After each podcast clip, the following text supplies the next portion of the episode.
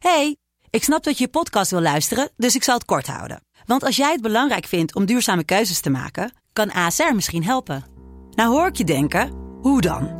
Nou, bijvoorbeeld bij het duurzaam herstellen van schade. Of de premies die we beleggen volgens ons duurzaam beleggingsbeleid. Dat bepaalt waar we wel en juist niet in investeren.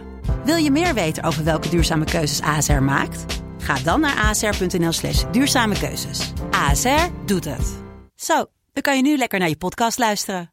Hey, ik snap dat je je podcast wil luisteren, dus ik zal het kort houden. Want als jij het belangrijk vindt om duurzame keuzes te maken, kan ASR misschien helpen. Nou hoor ik je denken, hoe dan? Nou, bijvoorbeeld bij het duurzaam herstellen van schade. Of de premies die we beleggen volgens ons duurzaam beleggingsbeleid. Dat bepaalt waar we wel en juist niet in investeren. Wil je meer weten over welke duurzame keuzes ASR maakt? Ga dan naar asr.nl slash duurzame keuzes. ASR doet het. Zo, dan kan je nu lekker naar je podcast luisteren. Dit is Mindfulness, de kortste, meest bewustmakende podcast van Nederland.